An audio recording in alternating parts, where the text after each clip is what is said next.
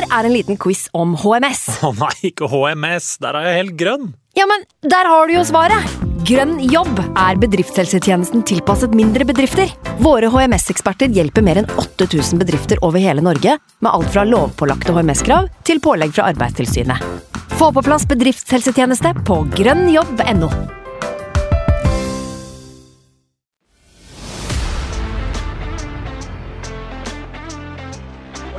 I a duel, I'm upset. When I lose the small side of the game, I'm upset. Because that's the fucking standard. Martin Odegaard it into the bottom corner. And Arsenal are dreaming.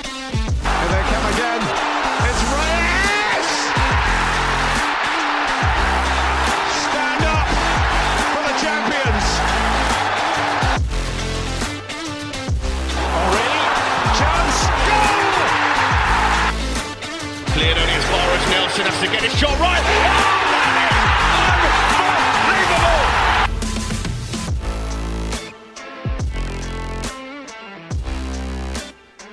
Signe Husfreden og hjertelig velkommen til en duggfrisk og utappa episode med Arsenal Station. Med meg, meg altså, Magnus Johansen, som uforberedt ordstyrer. Det er bare å holde på hatten, for her kan det bli svingete. Og du godeste Sivert Skarstein Eriksen, det har skjedd mye oppsiktsvekkende siden vi eh, var på lufta sist. Eh, Det har vært uka hvor de, de man aldri trodde man skulle få fred for, har trådt til side. Eh, Sofie Elise gravid, leste jeg, så da blir det kanskje litt mindre Melis og Botox i, i monitor. Eh, Espen Rostrup Nakstad har utrolig nok gått av som assisterende helsedirektør. Det trodde jeg aldri kom til å skje. Og det som er enda mer utrolig, er at Andreas Haga Larsen hopper over en episode eh, med Arsenal Station. Eh, hva er du mest overraska over her, Sivert? Altså det er, Nå tror jeg ikke verden står til påske. Jeg må si at eh, Nakstad, eh, mannen som tok en bachelor i juss og medisin samti samtidig, altså han kjørte begge studieløpene samtidig, jeg er ikke så overraska over at han eh, har eh, litt eh, kjøtt på bein og flere muligheter. Men at eh, Andreas ikke er her, det er jeg overraska over. Det trodde jeg faktisk aldri skulle skje. Eh, og jeg vet at den frasen blir utvanna, men det trodde jeg faktisk ikke skulle skje.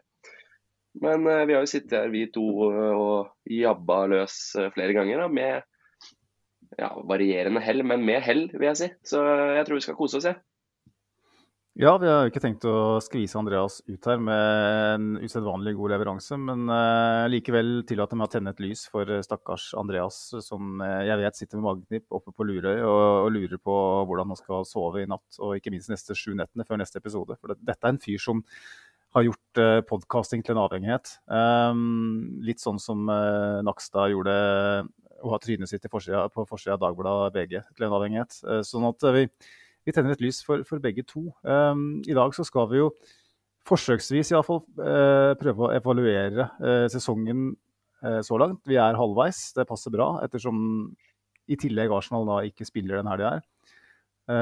og vi skal i tillegg prøve å se litt framover og, og se hvor vi står da i, i forhold til konkurrentene. men før det så må jeg gjøre som jeg lærte på journalist, journalistikkutdanningen når man skal uh, produsere innhold, så må man ta det viktigste først. Og det viktigste, Sivert, det er å minne folk på uh, at den 30. januar, uh, altså om litt over to uker, så um, er vi på scenen på Carls på Carl Berner i, i Oslo rett før Nottingham Forest-kampen og kjører en livepodkast med ikke en hvem som helst gjest, eller Sivert? Nei, nå har vi jo hooka inn Golden. Uh, Johan Golden kommer og blir med opp på scenen og, og joiner praten. Uh, så det tror jeg er en, uh, en rett og slett en, en jævlig god januarhandel. det er ikke mange av de. Må ta de markedsmulighetene som kommer. Uh, og det tror jeg er en av de, en av de bedre, altså. så ja, så jeg, jeg gleder meg. får hørt oss litt med Carl, som åssen de, de ligger an. De har jo ikke åpna ennå, så der går alt, alt, alt, i rute, og de gleder seg, de òg. Uh, fikk en sniktitt på at uh, det er solgt uh, altså, flere billetter enn det som står på Skall på Facebook-eventet. Så det er tydelig at, tydelig at det sitter flere gunner i Oslo og, og trenger en Arsenal-kveld. Føler behov for det. Men vi har plass til flere, vi. Mange flere. Ja, vi skal iallfall gi beskjed hvis det nærmer seg fullt. Eh, vi er ikke der ennå, og jeg er ikke sikkert vi kommer dit. Men det er uh, uansett greit å sikre seg sin uh, billett. Den ligger jo da på Ticketmaster. Uh, det er bare å søke opp Arsenal Station der, så kommer den opp. I tillegg så vi da, har vi da event, billettlink på eventen vår inne på Facebook, som dere også finner fyldige detaljer om på Twitter. sånn at det skal ikke være noe vanskelig å finne detaljene, detaljene om det veldig takknemlig for at Johan Golden blir med. Det, det gjør på en måte eh, at vi får litt ekstra krydder på, på tilværelsen der. Også for de som tenker at 170 kroner eh, er eh, mye for å høre på oss, så tenker jeg at det er mer enn verdt det når man får en såpass meditert skal jeg kalle det da, prater, som Johan Golden er. Så det, det, tror jeg blir utrolig kult. Og, og, utover det så tenker jeg informasjon på, på sidene våre er, er, fint å referere til. Men I tillegg til det, Sivert, så, så er det noen som har lurt litt på det med matservering og, og slike ting. Da. Ja, vi har fått et par spørsmål på det på innboks om uh, mat og drikke og aldersgrenser og de tingene her. Uh, serveres jo øl, så i utgangspunktet er det 18 eh, år. Uh, eller det er det. Mm. uh, når, når, det kommer til mat, så, det, så har de virkelig dratt til, altså. De har en restaurant i naborommet der med liksom skikkelig kvalitetspizza og burgere. der kan du ta med mat og, og drikke for den saks skyld, fra restauranten og inn i den arenaen der vi skal se match og ha podkast. Eh, altså, ellers kan du ta eh, en matbit der og bare gå rett inn på showet. Det ligger rett ved sida. I tillegg så er det en pølsekiosk eh, der, med, med, og mange barer. En flust av barer, eh, var det jeg fikk beskjed om. Så om, altså Det blir garantert hyggelig. Og sulten eller tørst, det skal du i hvert fall ikke sitte og være. Nei, og det jeg føler vi har på en måte dekka alle baser sånn sett eh, for en, en, en flott Arsenal-kveld. Så vær så snill, eh, hvis dere har mulighet og er innafor eh, skuddhold i Oslo, så, så, ta turen og bli med på en, en kveld med likesinnede. Og takk også til bl.a. Arsenal Norway, som har hjulpet oss med å spre det glade budskap. Det setter vi veldig stor pris på. Um, Sivert, eh, skal vi begi oss ut på en litt mer vanskelig prat? Eh, ikke, ja, ikke, fordi at det nødvendigvis er trist, det vi skal snakke om, men fordi at det er litt uh, utfordrende.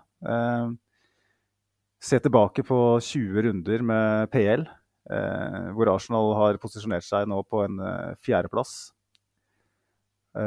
etter både opp- og nedtur, får man si. Etter å ha signert både spillere som har levert Eh, som bare rakkeren, men også spillere som kanskje har litt å, å bevise. Um, skal vi starte Vi, vi ba jo om noen lytterinnspill på Twitter og Facebook. Um, noen spørsmål har vi fått som vi sikkert kan spare, men vi har fått noen skal vi, skal vi innlede og gi Apropos uh, viktigst først, Sivert. Skal vi innlede med noen, uh, noen av de flotte innspillene vi har fått?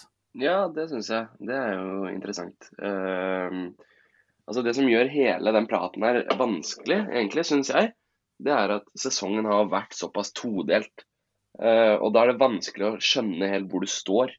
Uh, vi starter med å se vanvittig bra ut, uh, og mangler litt kreativitet, egentlig. Var det vi syns vi sleit med når Ødegaard fikk en litt dypere rolle. Det var et eller annet som mangla der, syns jeg. I ja, 13-14 12-13 runder.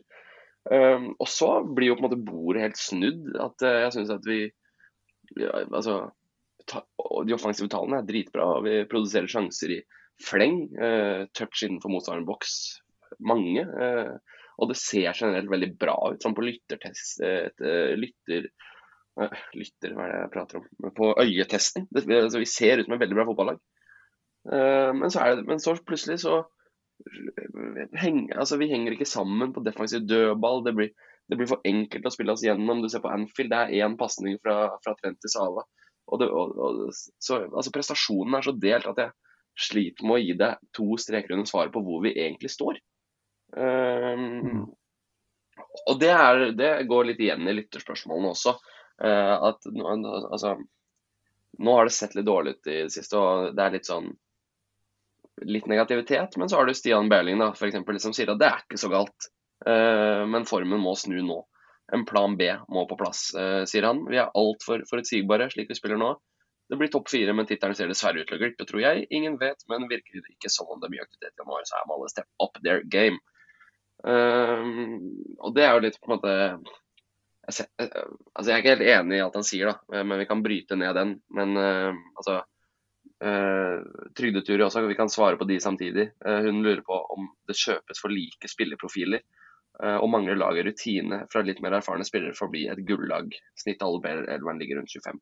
Så det er jo tydelig at de siste seks-sju kampene har gjort en knekk med, med, positiviteten. Når det er at det blir topp fire og har vi for like profiler og, og den tingen der. Så er jo spørsmålet mitt til deg og, og for så vidt til meg sjæl om vi skal legge så mye i det har, tallene har vært best mot de vi har spilt mot egentlig samtlige av de kampene. Eh, poengfangsten har uteblitt. Er det fortjent, er det ikke fortjent, er vi for forutsigbare? Spørsmålene er mange. Det blir over en times prat der. Det, det gjør det, Sivert. Eh, til en forandring, eh, skulle jeg gjerne sagt. Men eh, vi må øve litt på å fatte oss i korthet han liveshowet. Eh, eh, de innspillene du kommer med er jo interessante, og vi mm, kan jo jeg legger til Kristoffer Gullberg, som stiller spørsmålstegn ved vinnermentaliteten vår. Vi er ikke gode nok når det gjelder. Griper ikke mulighetene. Syns det var en svakhet at vi altfor lett ryker ut av cupene. For meg sier det noe om vinnermentaliteten. Eh, når det er sagt, eh, må vi begynne å gripe de anledningene og skape en vinnerkultur. Eh, og det starter med Palace neste helg. og Han eh, føyer til at han kommer på liveshow. og Tusen takk for det, Kristoffer. Det gleder vi oss til. Eh, vi gleder oss til å se deg og mange andre der. Ehm, så har vi Alexander Barsnes. Eh, han eh, skriver jeg Du bare, du bare gunner? Ja, jeg kjører gjennom en til nå. Uh, mm. For å skape noen uh, Skape litt god stemning. For at vi sitter i en sal med flere enn bare oss to. Uh, han, han, skriver med 94 poeng som maks antall uh, mulig. Det har ikke jeg faktasjekka, men jeg regner med at Aleksander uh, følger med timen. Han skriver da blir det fort, blir det fort rundt 80 til slutt. sjansen for gull vil være minimal i så fall, men topp fire bør gå greit. og Det er litt det du var inne på da, Sivert.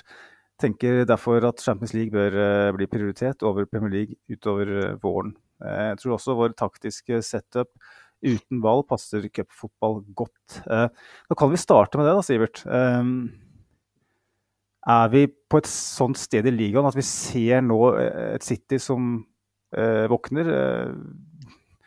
Ikke så veldig overraskende med Gud De som sikkert noen kaller han, tilbake. Og bare kommer og avgjør en match for dem borte mot Newcastle.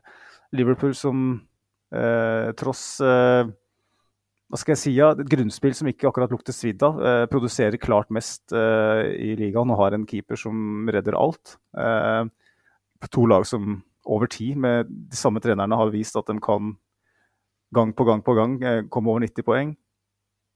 Eh, er det sånn at når vi ser litt det som Alexander er inne på, at vi har eh, Jeg vet ikke om jeg er enig i at, vi, at setupen passer godt Jo, altså, jeg forstår hva han mener, men jeg, jeg mener at vi har andre utfordringer eh, som gjør at vi kanskje ikke eh, er så eh, klare for å, å, gå langt i Champions League, men det kan vi komme tilbake til. Er det, er det, er det nesten sånn at man allerede nå begynner å tenke at Champions League er, er muligheten? Er det for tidlig? Ja, det syns jeg jo at det er. Altså, Vi er absolutt ikke favoritter til å ta noe gull. Uh, vi er uh, klar tredjeplass på oddsmarkedet, um, og det er helt åpenbart. Men det er klart når du er fem, fem poeng bak Liverpool, uh, tre poeng bak City og skal møte begge to en gang Nei, vi skal ikke møte Liverpool, faktisk. Jo, selvfølgelig skal vi møte Liverpool. Og skal møte begge to, så altså, det er jo selvfølgelig altfor uh, reaksjonært og rart å legge seg ned og dø nå. Da, altså Eh, begynner det, å, begynner å snike inn tanken om at det er en mulighet, å legge seg ned og dø i ligaen og gå all in i Champions League, da er det faktisk bare Altså, vi er A-poeng med Tottenham, liksom. Eh, da, da, vet jeg ikke om Champions League er så sikkert heller. Altså, for det, på det nivået her så må du være på, og du må tro på det i hver eneste Wales og hver eneste action og pasning. og eh, hvert eneste løp må du tro på det. Så det vet jeg at vi kommer til å gjøre. Vi, Det er ingen gullkamp her som er over. Nei, Nei det, det, er jeg helt enig med deg i. Det er uh, um, Hvis man på en måte ser på prestasjonene som har blitt servert da, i den andre halvdelen av første halvdel, som du refererte til, så syns jeg jo det er god grunn til å være optimist. Det, det handler på en måte ikke om evne til å spille uh, det, det, er ingen motstander eller arena som skremmer meg sånn uh, med tanke på mentalitet eller evne. evne. Eh, jeg føler vi kan matche hvem som helst hvor som helst eh, i banespillet. Eh, og det gjør at det er de siste prosentene som mangler. Og de, de kan jo komme. Og nå har man altså en 14 eh, dagers pause. Og etter den matchen mot Palace er det vel igjen en, er det ni dager eller noe sånt før Forest. Så nå, nå, har, nå har Ariteta og gutta usedvanlig mye tid på treningsfeltet og, på, og i varmen da, til, å, til, å, finpusse på de tingene som, som har mangler. Sånn at eh, jeg, jeg mener fortsatt at det laget her har vel så gode forutsetninger for å vinne Premier League som å vinne Champions League, kanskje større. Eh, altså, altså før, det, før, det, begynte å vakle, så var vi jo ganske bastant i podden på at vi har ligaens beste grunnspill. Mm. Eh, jeg syns at de siste seks-syv kampene som, som poengfangsten har uteblitt, og jeg har vært eitrende forbanna på enkeltspillere og, og, og, og, slikt. Og vi har ikke vært på vårt beste, men jeg syns fortsatt at den påstanden holder ganske vann. altså. Jeg, eh, jeg, mm. så ikke City mot Newcastle, men de måtte grave dypt. altså Skikkelig dypt. Jeg så United og Tottenham og Aston Villa har jeg sett alle i dag. Ikke spesielt, eh, ikke spesielt bra. altså. Eh, Liverpool er, har klart tynnest tropp i toppen der. Udiskuterbart tynnest tropp. Det er i så fall lenger dypere på banen. da, For offensivt så har de jo veldig mye mer bredde enn vi har. Ja, jo, jo, jo. Det er riktig. Eh, men jeg mener bare altså Ryker van Dijk, ryker Sjoboslai, ryker Ja, egentlig alle Altså Trent, eh, som mm. han faktisk er nå, da. Blir det Altså Bomler på timingen på når spillere er ute der, så er ikke de uovervinnelige, er poenget mitt. Ja, jeg er enig med at Liverpool er mer sårbare egentlig enn både Arsenal og City, da, hvis vi skal ta de tre. Og Tallene viser jo helt udiskutabelt at det er de tre lagene også som har prestert best uh, første halvdel. Uh, gevinsten uh, både i målprotokollen og i poengfangsten forteller oss kanskje en annen historie. Villa og Tottenham er veldig close. Villa er jo foran oss også, men det er jo helt utvilsomt at Arsenal, og Liverpool og City er de tre beste lagene i den divisjonen her.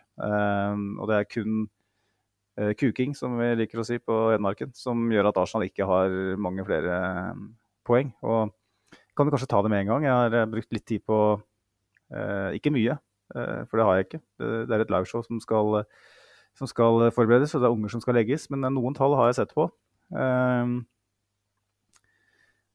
XG eh, imot, da, som kanskje er den, den, det parameteret som på, i aller størst grad eh, lanserer Arsenal som en tittelkandidat er veldig spennende. 16,3 på Det er ifølge FBREF. Og jeg vet at det er litt uh, forskjellige aktørers banen, men jeg bruker FBRF, som jeg mener er en veldig god aktør. Uh, 16,3 XG mot uh, på 20 kamper. Uh, det er bra. Ja, har jo sluppet inn lite også. Sånn det er, oh, Jesus Christ. Altså, Det er jo bare Liverpool som har sluppet inn færre. Så altså, der har vi jo ikke underprestert all verdens med å slippe inn 20. Jo, vi, er, vi har underprestert fordi at vi har, vi er tre mål bedre enn nestemann på lista. Eh, det er City. Liverpool har vel jeg tror skal vi se, har vi sju mål bedre enn Liverpool, tror jeg. Seks eller sju mål bedre enn Liverpool på XG. Og så har de sluppet inn eh, Ja, vi har sluppet inn Hvor mange er det sluppet inn? 20. Skiller to i ja, ja. Liverpool. Sånn at uh, der er det en ganske stor differanse sånn mellom XG og reelt, da. Ja, Sånn er det av verdens beste keeper, da. Det, det, er nok det, altså. Men det forteller også noe om at hvis, eh, hvis Raja eh, får litt mer sjøltillit og vi slutter å, å, å, slippe inn unødvendige baklengsmål, som vi har sluppet inn en del av Nesten alle målene vi har sluppet inn, har jo vært personlig personlige feil eller tabber. Så viser det at vi er det beste laget. Sånn, og det handler om grunnspill, som du sier. ikke sant? Grunnspillet vårt, spesielt uten ball, og det refererer jo Alexander Barsnes til nå i sin tweet det er så utrolig sterkt. Eh, at alt som foregår me mellom boksene, kan du si, Uh, der er vi best. Men fotballkamper avgjøres jo i boksene. Uh, sånn at det, det, det er her vi, her vi, har et problem. da. Uh, og tallene eh, XG-en vår 36,4. Det er, holder til femteplass. Eh, vi har vel scora 37. Ja, sånn at vi, og det forteller noe om eh, for vi, vi, snakker jo veldig om de siste fem-seks kampene, at vi underpresterer noe voldsomt. Men det handler jo veldig mye om det som skjedde i den, de første ti-tolv kampene, som du var inne på. Da overpresterte vi i forhold til XG. ja, der skåra vi jo altså, fire goller i matcher hvor vi knapt produserte for å få én. Nettopp. Så det jevner seg utover en lang sesong, som man sier. Det jevner seg til og med utover en halv sesong. Eh, men så er det sånn at når vi spiller fotballen vi gjør nå, hvis vi gjør det resten av sesongen, så vil vi jo eh, sannsynligvis på et eller annet tidspunkt overprestere også. Så det er veldig interessant å se hvordan det uttrykker seg. Eh, og XG, og det er kanskje det mest interessante da, for å krystallisere det med at City, Liverpool og Arsenal er de tre beste lagene, det er at eh, målforskjellen XG-messig eh, har Arsenal 20 blank. Eh, det er veldig bra eh, halvveis. Det er ett og et halvt bak Liverpool, som er best, og rett bak City. Og det her, City, Arsenal og Liverpool ligger vel ni-ti mål foran nestemann på lista. Så her er det en stor, stor forskjell. De tre lagene her er de tre beste i ligaen. Det ser du. Hvis du ser kampene der, så ser du at dette er de beste tre lagene i ligaen. Ja, ja. Eh, Tottenham og Villa har overprestert, eh, begge to. Eh, hvis de fortsetter å prestere på samme nivå, så vil, så vil de sakke akterut med tanke på gullet. Eh, en annen altså det, param... Ja, fortsett, Sivert. Nei, jeg mener bare det, altså, Disse tallene du altså, bringer til gards her, det gjør jo også at um, altså, Alle disse tweetsene om at om man fokuserer på Champions League, forstår jeg også. altså et, et så godt grunnspillende fotballag, uh, og i uh, altså, kamper i Europa hvor du får altså, Det er ingen som kommer på å parkere bussen mot deg i, i semifinalen i Champions League. Liksom. Alle er der for å spille fotball. Det passer Arsenal godt, så jeg skjønner hva folk mener. Uh, men jeg mener mm. bare at du kan ikke legge alle eggene i, i, i baggen, uh, Champions League-bagen etter 20 runder, når tallene er så bra som det er. Det er helt riktig, Sivert. Uh, og for så vidt så er det kanskje vårt svar på, på det innspillet også. Um, vi har andre tall som viser både positive og negative ting med sesongen så langt. Eh, vi kan jo starte med touch i motstanderens boks. Det har vi snakka mye om i poden her. 723 eh, så langt, som er best i ligaen. Eh, touch på siste tredjedel. Der er vi nest best bak City. City har jo hatt en voldsom City progresjon. Jo, City spiller jo fotballkampen sin på motstanderens siste tredjedel. altså første det, tredjedel. Ja. Det gjorde de ikke første halvdel av den nå, du hører, nå, har begynt å si første halvdel av første halvdel så mange ganger, så nå begynner det å bli litt utvanna. Akkurat som at det første, er et term. ja, den første, kvart, eh, første, kvarten av eh, sesongen, så, den første fjerdedelen av sesongen så spilte City mye mer fotball på sin egen baneholder, men de har flytta spillet lenger frem siste tida, eh, som er òg eh, litt skremmende. Eh, det er, det er, så viktig. Det er jo derfor vi henta Rice, er jeg helt overbevist om. Eh, for, for, å, flytte grunnspillet vårt og ha en som som bare skjærer altså han, altså han, passerer jo et ledd alene, han, øh, ofte. Og, og, altså bare sluker meter, progressive meter. Mm. Uh, kjempeviktig. Og det er, en, altså, det er kanskje den staten jeg syns er mest interessant. Uh, touch og pasninger på motstanderens uh, bakre tredel. eller hva som blir Jo, det er det det blir. Ja, ja. Siste tredjedel, ja. ja riktig, riktig. For vår del så er det motstanderens eh, bakere. Eh, og så har vi flest cornere. Det har vi jo sagt før. 158 corner så langt, som er ganske langt foran nestemann, eh, som er City. Eh, som også viser hvorfor, hvorfor vi skårer såpass mye på dødball som vi gjør. da.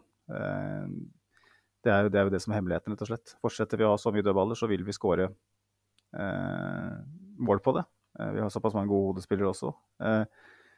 så har vi jo um, noen Ja, vi kan kanskje stoppe der. Eh, dette er jo positive tall. Eh, progressive pasninger også. Eh, det er kanskje litt overraskende. Der er vi flest av alle i, i ligaen. Når vi tenker på Arsenals sesong så langt, så, så, tenker vi ganske mye på et lag som står og triller på tvers høyt i banen. Men vi har faktisk flest progressive pasninger i ligaen, som viser at Det er ikke så rart det med favorittbekken min.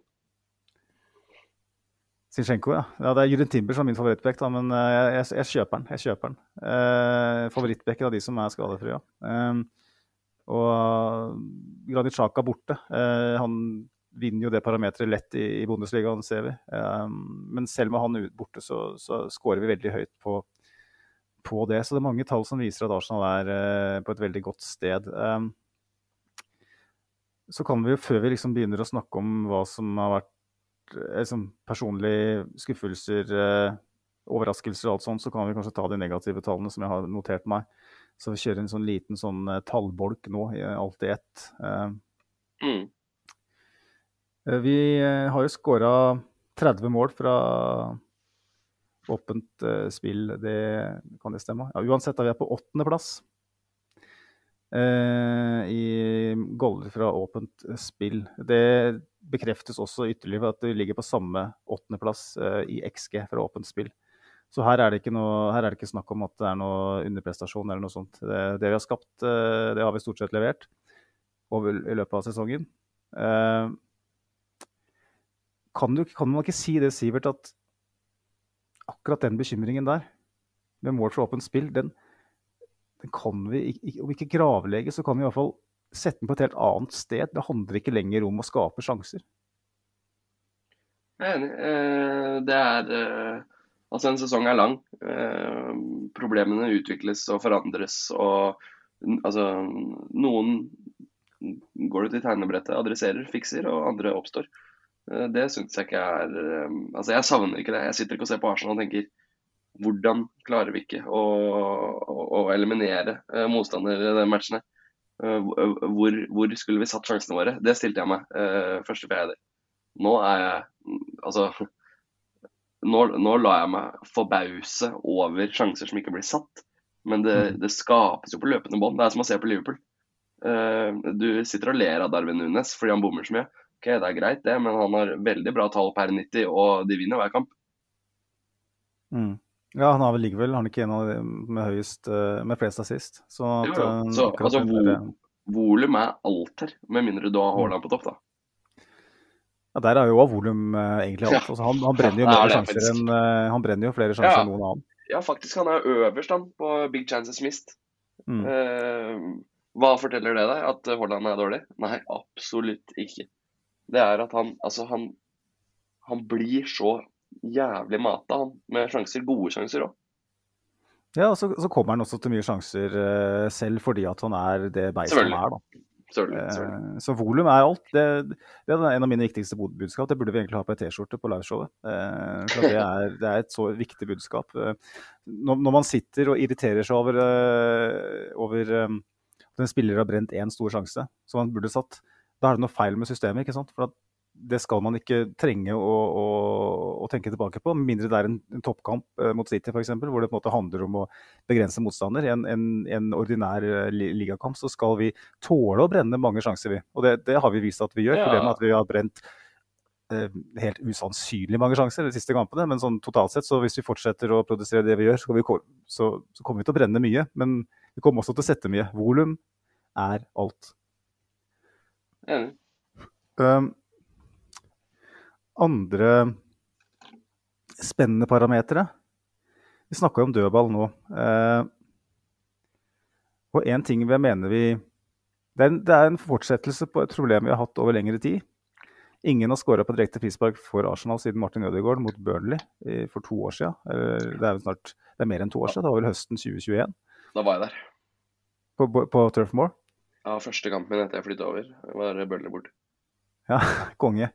Det, det, er jo i seg selv en historie. Uh, men uh, ikke direkte frispark siden da. Uh, og det som da er interessant, det er helt tydelig at Arsenal og Arteta selv internt har erkjent at vi har ikke de føttene. Fordi at siden starten av sesongen så har vi Eh, skal vi se om jeg finner igjen det der jævla tallet jeg hadde satt notert meg. Det hadde jo vært uh, nyttig. Ja, bare, Eh, to bare, skudd. Jo, uh, vi er på Vi har forsøkt to ganger på de første 20 rundene på direkte skudd på frispark. To ganger. Det, holder, det er 19. eh, 19. plass, da, hvis man, hvis man skal late som at det er en, en statistikk man skal rangere. Nottingham Forest har kun Prøvd, to ganger? to ganger så har han prøvd å skyte direkte frispark. Det kan ikke stemme. Jeg nekter å tro det. Det er det jeg leste på FPRF. Ja, eh, helt utrolig i så fall. Handler det om evne, eller? Altså, Det er jo åpenbart en uh, erkjennelse av at uh, uh, altså, Jeg vet ikke om kan det være så enkelt som at, at blokker ikke teller. da, Men uansett, jeg tenker at tallet forteller oss noe, men vi, vi kan jo med øyetesten i mente åpenbart Ja, for også det- ja, si at vi, skyter jo selv veldig sjelden med frispark. Det er ja, og, regel en og si at eh, blokker ikke teller i den der, ah, at det er to på mål, da, så er det fortsatt hårreisende. Ja. Og det er åpenbart at man ikke har, har de føttene. da. Eh, Er det, er det noe vi bør adressere? Altså det er, apropos Nei. det med det Silje sa. da, Silje skriver at vi trenger Vinnermentalitet har blitt uh, etterlyst her av eh, Kristoffer. Uh, og Silje stiller spørsmål om profiler. Så trenger vi en, en sånn altså Problemet er at vi kan ikke hente en som bare er god på å slå dødball. Vi kan ikke hente en frisparkens kan hente Ward- kan hente eh, liksom. Ward-Prowse har ikke noe i Arsenal å gjøre. Eller han derre innkastlegenden, Rory Delap fra Stoke. Altså, kun god på å kaste. Eh, vi, vi kan ikke hente en spiller pga. én egenskap. Men Altså, Douglas det er en jo- spiller man har hente, prøvd å hente. ikke sant? Han, han er god på det. Han har god dødball, han god dødballfot. Uh, Jeg mener jo når det kommer til det med, med profiler, så mener jeg at uh, der har vi Du kan ikke hente basert på eh, å dekke alle, alle, alle ferdighetsrom. Kan du ikke belage deg på å dekke. Eh, jeg mener jo det at når vi har, har, har, har hatt en skade på sentrale spillere tidligere, så setter vi inn et andrevalg som ikke klarer å løse oppgaven like godt. Um, og, men som får beskjed om å gjøre den samme jobben. Det har på en måte vært gjengangeren. Det syns jeg er eh, enda mer alarmerende. Eh, for du ser i Liverpool, så kommer det inn en spiller som, som kan eh, rollene. Altså roll, roll, rollene er skreddersydd troppen, eh, ikke omvendt. Eh, så, jeg, så jeg mener at eh, altså Henter du en eh, frisparkskytter fordi han er, fordi han er, fri, han er frisparkskytter, så går ikke det, selvfølgelig. Men øh, nøkkelen av å ha spillere som, som fikser sånne ting, det er jo Altså, det er så marginalt i toppen av Premier League at øh, altså, det er der du henter litt ekstra poeng. Det var jo en periode eh, når eh, City på en måte begynte å kjøpe seg opp og hadde Yaya Touré. Så var det en periode hvor når, når eh, Yaya Touré hadde frispark på, på 25 meter, så var det, det var som å få straffespark for City. For alle frisparkene bare, bare gikk inn. Eh, så det er klart det hjelper. Eh, det er marginer som er ved fotballkamper, men jeg hadde ikke basert noe på det. nei. Men uansett en, en spennende stat som eh, i den grad den er eh, noe overdrevet fra vår side, så er det en stat som eh, er gyldig på sitt, sitt vis. Eh, noe vi kanskje, eh, om ikke adresserer på overgangsmarkedet, iallfall kanskje adresserer internt. Eh, så har vi også en stat som jeg syns er interessant. Eh, det er antall spillvendinger. Eh, der ligger vi på 17.-plass eh, i ligaen. Mens vi på antall innlegg eh, ligger på tredjeplass. Eh, det vil si, i, min bok eh, Klart at alle eh, situasjoner der du kan ta en spillvending, ender jo ikke i et innlegg. Men jeg syns det forteller litt om angrepsspillet vårt. Eh, jeg mener vi mye oftere bør eh, eh, vende spillet. Jeg syns vi tråkker for mye på ball på høyresida. Det blir litt for mye kombinasjonsspill veldig tett. for å prøve å nesten nærmest gjenskape det som var suksessoppskriften fra i fjor, uten Thomas Party, som slår de der tidlige. Det blir litt forutsigbart.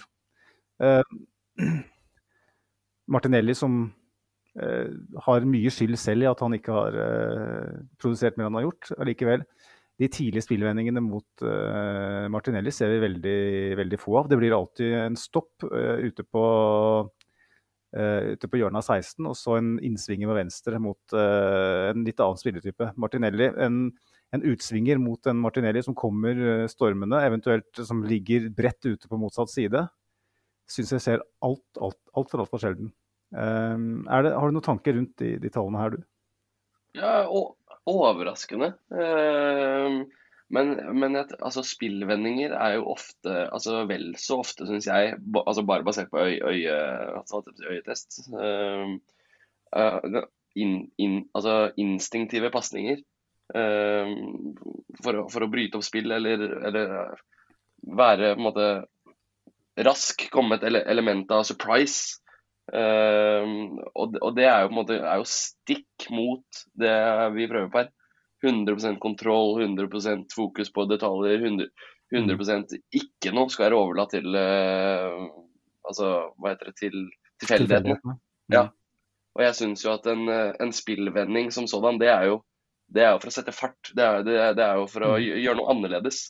Strekke. Uh, ja, strekke, strekke motstanderen. Det er jo ikke det det er ikke sånn vi spiller fotball. Jeg, jeg kan se for meg Liverpool er mye høyere opp, opp enn oss. Mm, det stemmer. Ja. Jeg har det ikke foran meg, men de ligger høyt oppe, ja. Um, og det skulle jeg også sett mer av. Uh, mindre tråkking på ball og mer uh, altså, kreativ frihet, nærmest. Savner jeg.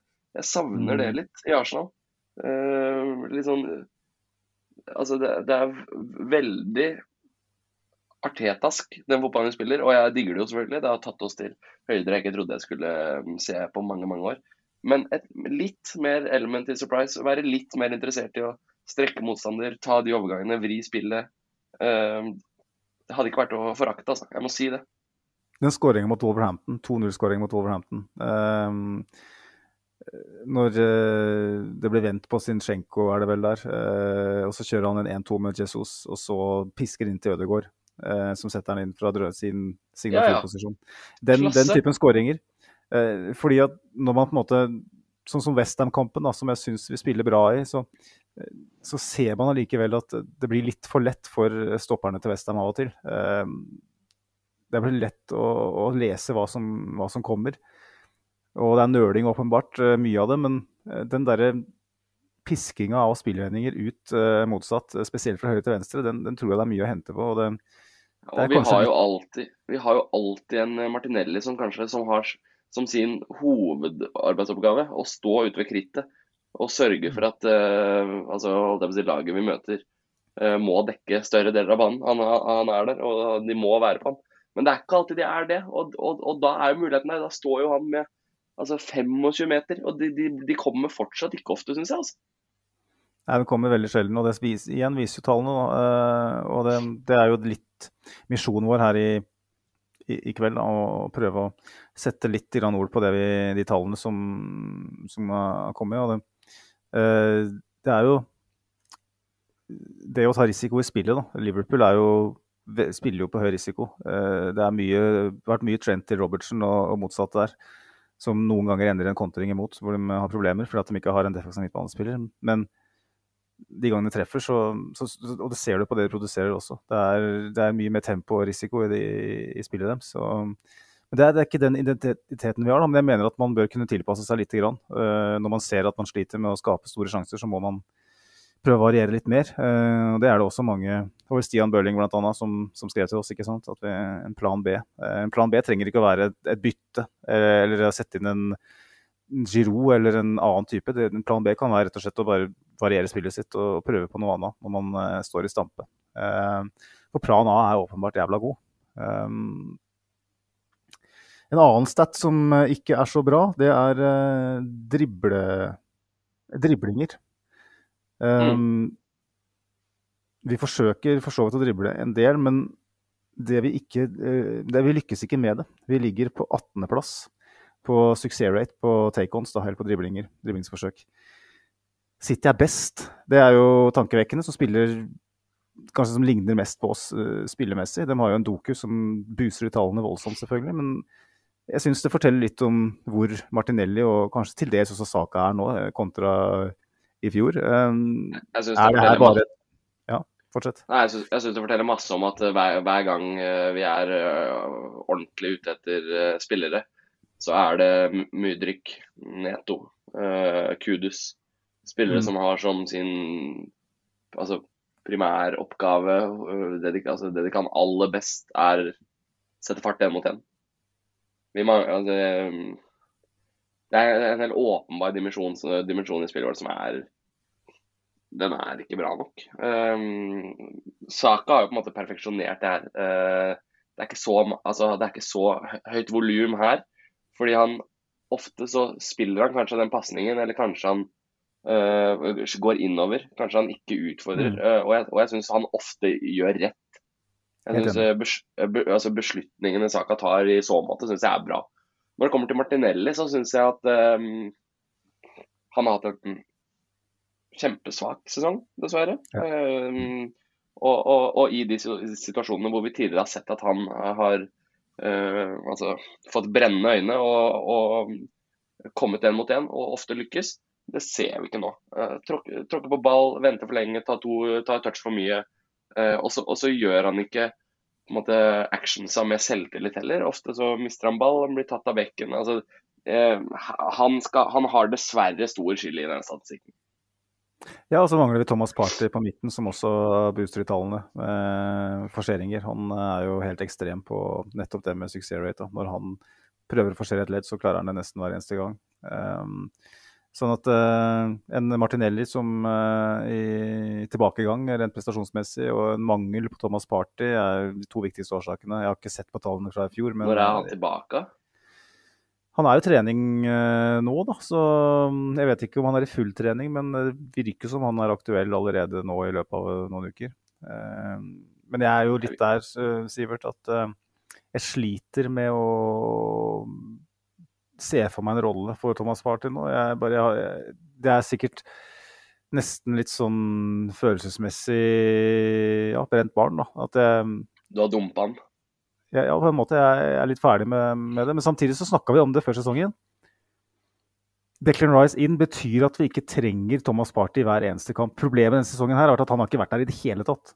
Eh, omtrent, da. Eh, hadde han vært litt sånn inn og ut som han har vært tidligere, siden han har spilt eh, tolv eh, matcher da, av de 20, så hadde vi sittet igjen med en større vinst, sannsynligvis poengmessig enn det vi, det vi, gjør. Jeg mener Thomas Party er den mest undervurderte midtbanespilleren i Premier League eh, når han er fit. Uh, ja, det er et par til der, men jeg er helt enig. Han er kjempebra. Undervurdert også. Jeg sier ikke at han er best, men han er uh, Jeg tror fordi at han er såpass mye ute, uh, og spesielt når det gjelder, så, så, blir han ikke tatt med i diskusjonen. Men noen av de tingene han gjør med ball, er Ja, det er, ja, ja. Det er helt eksepsjonelt. Han er ekstrem. Så vi, vi, vi, må jo kunne håpe, han er fortsatt Arsenal-spiller, så vi må jo kunne håpe at han kan sy sammen den 10-12 kamper i andre halvdel. Og da har vi en spiller som kan løse opp i mye offensivt. Det er faktisk litt undersnakka det at uh, både Thomas Party og Jurin Timber, to spillere som går rett inn og forsterker laget vårt, er de fit for fight uh, psykisk og fysisk. Så, uh, og de kommer nå i innspurten, spesielt i Champions League. Da, det er om det blir for sent i Premier League, det, og så skal det ikke håpe for mye, eller spesielt Timber har vært ute dritlenge. Men, ja, jeg tror vi skal være forsiktige med å lansere Timber som noen bidragsyter. Eh, Annet enn basert på håp. Ja, ja, det er jo for så vidt sant, det. altså. Men det er, eh, det er to nøkkelspillere som dessverre uh, vises i poengprotokollen at har vært ute. Det er det ingen tvil om. Mm. Um... Men så har jo City mangla De Bruyne, og Liverpool mangla altså, etc., etc. Så altså, du kan ikke sitte og synes synd på deg sjæl på det heller. Vi har ikke vært veldig uheldig skademessig. Det er kanskje Nei, det at han har mangla noen profiler samtidig. Eh, som, Beck-messig, f.eks. Med Tommy Yasu eh, og Timber ute samtidig store deler av sesongen. Eh, du har eh, ja, altså sånn For et ballprogresjonsståsted, altså fra dypet, så, så, med både Timber og Party ute og Zinchenko litt inn og ut, så, så, er man ganske tynt besatt. Det er jo ikke det som er Declan Rice sin store forse. Selv om han også er god på forskjellige ledd med ball, så er han ikke han er ikke, den, han er ikke en Granit Sjaka eh, som pisker den inn eh, i lengderetningen. Eh, han kan, jeg tror han, jeg, tror han, kan lære seg det ganske kjapt, for han er en sånn type som kan det. Men eh, jeg føler at vi, vi, vi, at enten Timber eller Party hadde vært skadefri hele sesongen, så tror jeg vi hadde sett på en ganske annerledes eh, poengfangst. Ja, det er vanskelig å si. De setter ikke de sjansene som er brent, men jeg tror det handler om å få ballen kjappere inn i farlige soner. Hadde Timber vært skadefri i de 20 kampene, så hadde vi leda Premier League. Altså. Det legger jeg hodet på blokka og sier. ja, dette er jo ikke, det er jo ikke usannsynlig. Uh, vi er jo bare fem poeng bak. og Westham og Fulham er to kamper. Vi hadde vunnet de to i jula, så hadde vi vært uh, top of the league, liksom. Så oh. det er små marginer. Ja, det er det. Uh, siste statistikken jeg har i dag, det er Jeg vet ikke hvor interessant det er, men jeg syns det var jeg syns det var interessant. Um, det holder, det, for meg. Når det gjelder hodedueller Nå har jo Arteta rekruttert masse spillere som er høye, store og sterke. Eh, Arsenal har jo tradisjonelt sett de siste 15 årene vært et lag med små teknikere som ikke akkurat er noen baroner i lufta. Nå har vi Saliba, Gabriel, eh, Rice, Havertz, eh, Jesus osv. Men vi er, vi er, når det gjelder uh, ut, uh, antall, uh, ikke antall hodedueller, men med tanke på prosent av hodedueller vunnet, så er vi på 14.-plass i ligaen. det vil si at vi taper mye, mange dueller i, i lufta. og vi slipper jo inn en god del på dødball. vi har veldig få dødballer imot. Vi har færrest dødballer imot av alle. Men nå, nå siste siste ti kampene så har vi sluppet inn mange på dødball. Vi hadde den mot Luton. Eh, da var vi to. Da var en, det var to, en, det var to. en kjempetabbe fra Raja, det ene. Men den andre var jo et uh, relativt uh, bra hodestøt. Så hadde vi mot Westham, vi hadde mot uh, Fulham, vi hadde mot Liverpool, hadde vi ikke det nå sist? stemmer det? Nå, nå, begynner jeg å gå i surr. Men vi har sluppet inn ganske mye. Vi har vel tre kamper på rad nå, og vi har sluppet inn på defensiv dødball. og vi har også kanskje det som utgjør det her, er jo at vi, vi slår mye innlegg på spillere som ikke er gode i lufta. Jeg er enig. Den mot Liverpool var jo Kiviar som uh, var rar, da. Men ja. Er det Jeg føler at vi, vi, kan, ikke, ikke rekruttere med det i, i mente nå. Uh, duellstyrken vår er såpass god at det er ikke der skoen trykker. Men uh, kan vi gjøre noe annerledes, både offensivt og defensivt, i boksene når det gjelder det, gi oss, gi oss den edgen? da? Ja, det er det det handler om. Å finne de prosentene som uh, gjør bedre enn alle andre på, på, på sånne småting. Tror det er mye marginer her. Uh, når sist har Luton skåra to mål på corner i en match. Uh, tror ikke det handler så mye om evne eller måten du forsvarer deg på. Eller innstilling. Jeg tror det handler om humbug. Men uh, altså Superinteressant stat. Altså, den uh, tok meg nesten litt på senga. Den uh, trodde vi var helt oppi der. Mm, jeg trodde det, så det er derfor jeg tok den med. for Jeg syns den var litt interessant. Jeg, jeg, jeg stilte spørsmål har vi, til meg sjøl. Solgte vi Holding et år for tidlig? ja, det gjorde vi ikke. Men... Han, får jo ikke, han får ikke spille i Palace. Det også kan vi prate et halvannet minutt om. At eh, folk skriker om at uh, Altså, hver gang noen sitter på benken i Arsenal, så er de mye bedre enn de som spiller når det går på tverke. Hvorfor spiller ikke han og han og han og han? og han? Uh, Lokonga sliter med å spille i Luton. Holding sliter med å spille i Palace. Patino, som folk bare forguder. Uh, å, Patino er framtiden midtbanen til Arsenal. Han kom inn og var møkkdårlig. Spilte 22 minutter for Swansea i, går. Altså, det, det, er ikke akkurat gull, de gutta der. Så stole litt på Arteta på det òg. Det, det, er min uh, lille fanesak. Ja.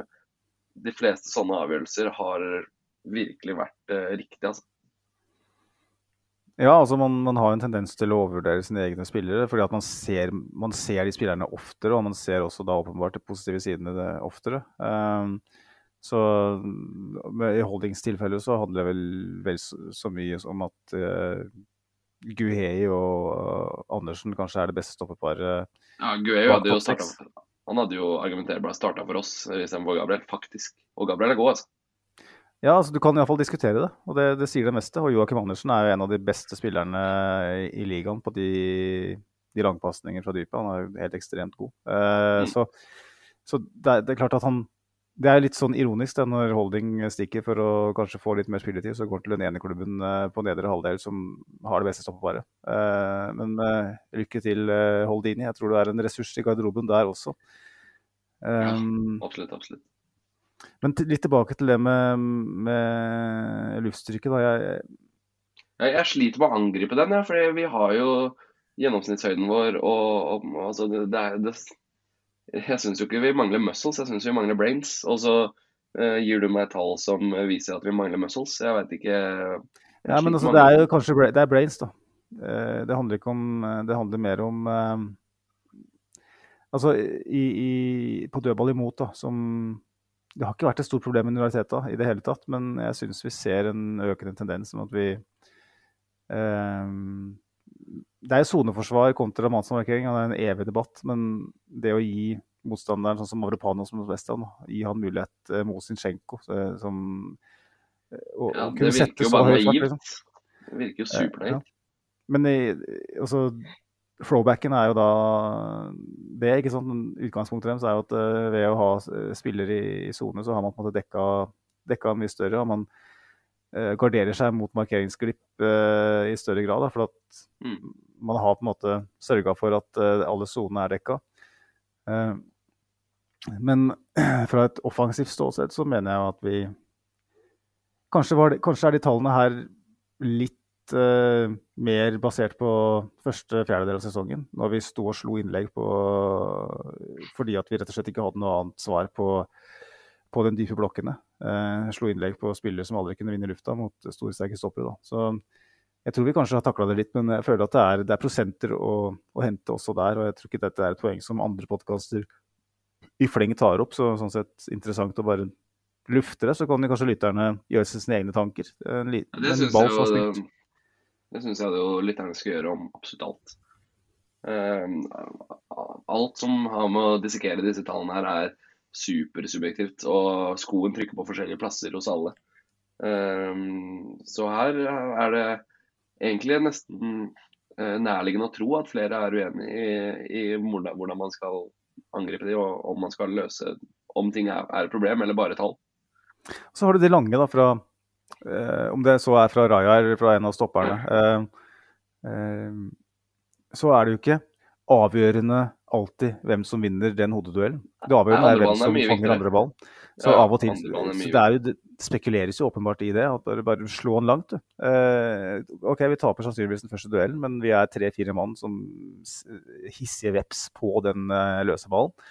Så, så det, det, her er problemet med tall. da. Eh, at det kan tolkes i alle mulige retninger. Så når vi møtes på Carls i, den 30. januar, så for dere som skal dit, så hvis dere har noen tanker om det her, så det vært kult å høre det.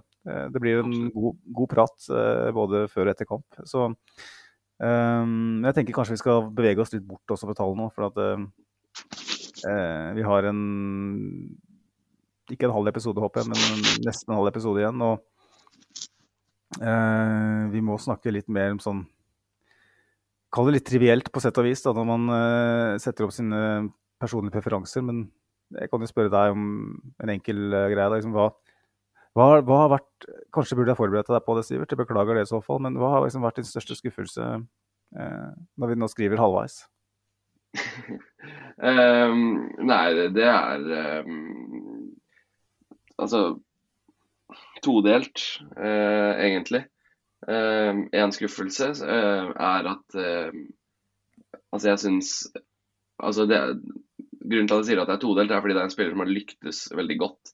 Men jeg, jeg er litt skuffet over måte, hele midtbanekonstellasjonen. Jeg ville se Rice høyere opp i banen. og, og ja, flytte spillet opp litt sånn som jeg prater om at City gjorde så godt. Og se oss ja, på en litt annen måte. Det er jeg litt skuffa over, men det er ikke et problem. det er bare siden du spør meg. Det jeg er mest skuffa over sånn sett ut fra forventninger, er uh, Martinelli. Uh, det er trist. Altså. Det, ser, det ser ut som en fotballspiller uten noen form for selvtillit. Mm. Ja. Nei, den, den er uh, soleklar, den. Altså. Det, det, altså. det, er selvfølgelig enkelte ting også som jeg syns bare er tull. Altså, hvordan leder du 2-1 hjemme mot ti mann Fulham og, og, og, og, spiller uavgjort? Liksom? Uh, syns det er helt utrolig å ta ett poeng på Fulham i, i Premier League. Så det, altså, en, altså, Mange sånne ting jeg kan plukke av, men som en sånn hot topic uh, står uh, ja, Det er Martinelli. Um, egentlig be, så syns jeg begge, begge vingene ja, egentlig aldri har kommet i gang. Um, litt, altså skuffet over det, selvfølgelig. Ja. Mm. Uh, Martinelli er jo høyt på lista mi også, men uh, Så, altså, ja, det er mye, det er mye der. Uh, Keeperdebatten irriterer meg, den er jeg skuffa over. Uh, måten, måten Raja kommer inn og bare får den plassen, og så er det egentlig ingen enige om det. Måten det har blitt håndtert på. At altså bare det som blir sagt om at spillerne er likeverdige, og så er det ikke det. Og så skaper det en både frustrasjon og en usikkerhet hos begge keeperne. Det er jeg skuffa over. Og Det du er mest skuffa over, Sivert, og det, det, skal gi deg ordet um, i noen minutter her, tenker jeg, fordi um, før jeg slipper til sjøl igjen. Eh, nå har vi jo Arteta og klubben og spillerne også gjort eh, sportslig sett noen vurderinger som vi kanskje ikke er enig i, og som eh, til dels kanskje har ført til at vi ikke er helt der vi var for et år siden, eh, på tabellen iallfall. Um, men så er det andre faktorer som på en måte ikke Arteta råder over, eh, og ikke spillerne råder over. Det er en, en, en klubb som har tatt grep i en billettsituasjon som har skapt mye frustrasjon. Enkelt og greit fordi at det er stor rift om billettene. Alle vil på kamp. Alle de som har sittet hjemme og sitter på lua si i flere år. Eh, ikke vært over siden hybrid-dagene, liksom. Nå skal jeg over og se. Og så det, oppstår det en frustrasjon fordi det er så vanskelig å få billetter. Og så har klubben på en måte agert etter et folkekrav som man kanskje burde ha ignorert, eh, og skapt en situasjon som gjør at det rett og slett har gått ut over eh, atmosfæren på Emirates. Eh, kan ikke du si litt mer om det? Du har mye mer kjøtt på beina der enn meg. Jo, altså det, dette er eh, rett og slett litt krise. Um, det første som skjedde før sesongen, var at de Eh, implementerte et sånn ballottsystem. Altså at du eh, Det har antakeligvis de fleste fått med seg. At du går ikke inn lenger og, og, og kommer deg i en kø og er på en måte Altså Poenget er at var du i gamet før, var du på mye kamper og hadde på en måte var et hestehode foran de som ikke var det, så hadde du en fordel. Da kom du deg på kamp nummer to også. Og det ble kreditert å være der. Eh, den nye ballotten her nå, så, jeg, så, snakker jeg med folk som uh, altså aldri har fått en billett gjennom den. Fordi altså hele verden bare slenger inn en søknad. Og, det som også er problemet med det, er at altså svartebillettene har jo gått opp, selvfølgelig. Jeg har jo kamerater som har lagt ut billetten sin på Ticket Exchange. Bare for at en eller annen gunner skal få den. Og så har de vært på kampen selv da, og gått til setet sitt etter å ha lagt den ut på Ticket Exchange. Og der står det en eller annen sveitser som har betalt 400 pund. da. Uh, fordi at bots kjøper opp billetten og, se og, selger den videre. Så du vet, altså, så, altså Alt med billetter er bare, det er bare kaos. Altså, jeg deala jo uh, holdt jeg på å si, deala litt, hjalp litt nordmenn med billetter forrige sesong. Uh, for det, da var det enkelt for meg. Uh, tilgangen var var bedre. Si. Eh, det er umulig lenger. og Sånn sett er jo det på en måte, det er greit, det for så vidt. Eh, det er egentlig ikke det det handler om. Men det er bare måten, måten hele det systemet fungerer, eh, er det, altså, det, har gjort noe med stemningen på Emirates. Det er det jeg prøver å komme fram til her. Mm. Det, er det, alle, det, er, det er en gjenganger. Det er det alle sier. Det, det, det, var uh, en bedre atmosfære på Emirates i fjor enn det det er i år. Um, Ashburton Army, som um, på en måte alle fikk øynene opp for forrige sesong, som sto i svart der, og noen syntes det var litt cringe, altså litt, litt flaut, uh, og andre syntes det var dritfett. Men uh, uansett så er det helt udiskuterbart, at stemning, det lagde de. Om du syns det er flaut å stå i svart eller ikke, det, det får du gjøre deg på mening selv. Men stemning, det lagde de virkelig. Emirates ble noe de ikke har vært på år. Og da, siden jeg begynte å følge med, har ikke Emirates vært i nærheten av det. Eh, den eh, Burnley-kampen som jeg tilfeldigvis nevnte i stad, da reiste jeg faktisk med eh, Det var eneste kampen jeg reiste med Ashburton Army. I holdt jeg på å si, svart og var liksom en del av de, de gutta. Det var før de ble populære, på en måte, før de virkelig satt gro, groben. Og det er, lang, det er, en lang, tur opp til Burnley. Hadde minibuss. Og det, altså det, er ikke, det, er ikke, alt som skjedde i den bussen som kanskje blir med på NRK Super. Det er det ikke. Uh, uh, så, så, det, så det, er, det er um, Men det som da skjedde på starten av denne sesongen, her, og grunnen til at jeg sier det her, det er at de fikk kutta allocation sin i blokk 26 Uh, halvert. Den ble halvert før denne sesongen her. For å gjøre plass til det som da egentlig er deg og meg, turister. Uh, og, det, og, det, er for, så vidt en veldig um, sosialistisk og hyggelig og fin tanke, det. kult, det. Men ikke har det fungert på stemningen på Emirates, og ikke har billetter blitt mer tilgjengelig for deg og meg. det har bare blitt helt helt Nils og Blåmann, altså. Så Ashburton Army syns jo ikke lenger. De, det har ikke vært noe tifos eller noe videoer fra oppvarming. Og, og den bussen da som det genererte, den fins ikke lenger. Uh, folk nede på lower, lower tier som uh, gikk uke inn og uke ut, de går ikke uke inn og uke ut lenger. De står ikke samla. Kanskje de er griseheldige og får en billett fra Ballotten øvre Northbank. Eh, helt opp under taket. Altså, Stemningen er ikke det den var i fjor. Porto nå møtte vi Champions League. Det ble kategori A fra Arsenal sin side, så en billett der på upper tier koster 100 pund. Uh, gjør det til nok, tenker du nå skal jeg på Champions League-tur. En, uh, en, kamp det i utgangspunktet kanskje er enklere å få billetter til. Nei, da må jeg bruke 1400 kroner, og, og det er face value. Da er du heldig, hvis du får tak i det. Så mm. det er bare alle valgene som blir gjort fra klubben, er bare er, De treffer ikke på noen ting vedrørende det greiene her. Uh, det er Ja, jeg tror at uh, et par av de poengene uh, faktisk uh, Fulham hjemme og et par sånne hjemmekamper hadde blitt vippa i en annen retning hvis Altså, hvorfor skal du fikse noe som ikke er ødelagt? Det er, det, det er på en måte greier. Å være silver member, det, er jo, det kan du bare kaste i søpla nå. Du får ikke ja, det, det, er jo, det er jo på en måte det man Det var jo drømmen før, det å være silver member. For da var det ikke forplikta, men du fikk allikevel billetter på alt som var. Ja, ja, det var det, var det beste. Var de hadde en ganske bra allokasjon, sånn det fungerte før. Og, og, var du inne og gjorde det du skal da, så var du, du var jo sikra med, med, silver Remember, men du, men du slapp alle kampene. Det var jo det var helt peak, det det, jeg har mange kamerater som hadde, hadde, hadde, silver i mange år. Og så ringte klubben. da. Ja, nå har du vært silver i mange år, og du har vært på mange kamper. Du er en uh, uh, Ja, du har vært medlem hos oss i 13 år. Det er ikke på tide å få sesongkort, da. Mm. Vi tilbyr deg sesongkort hvor du vil på stadion.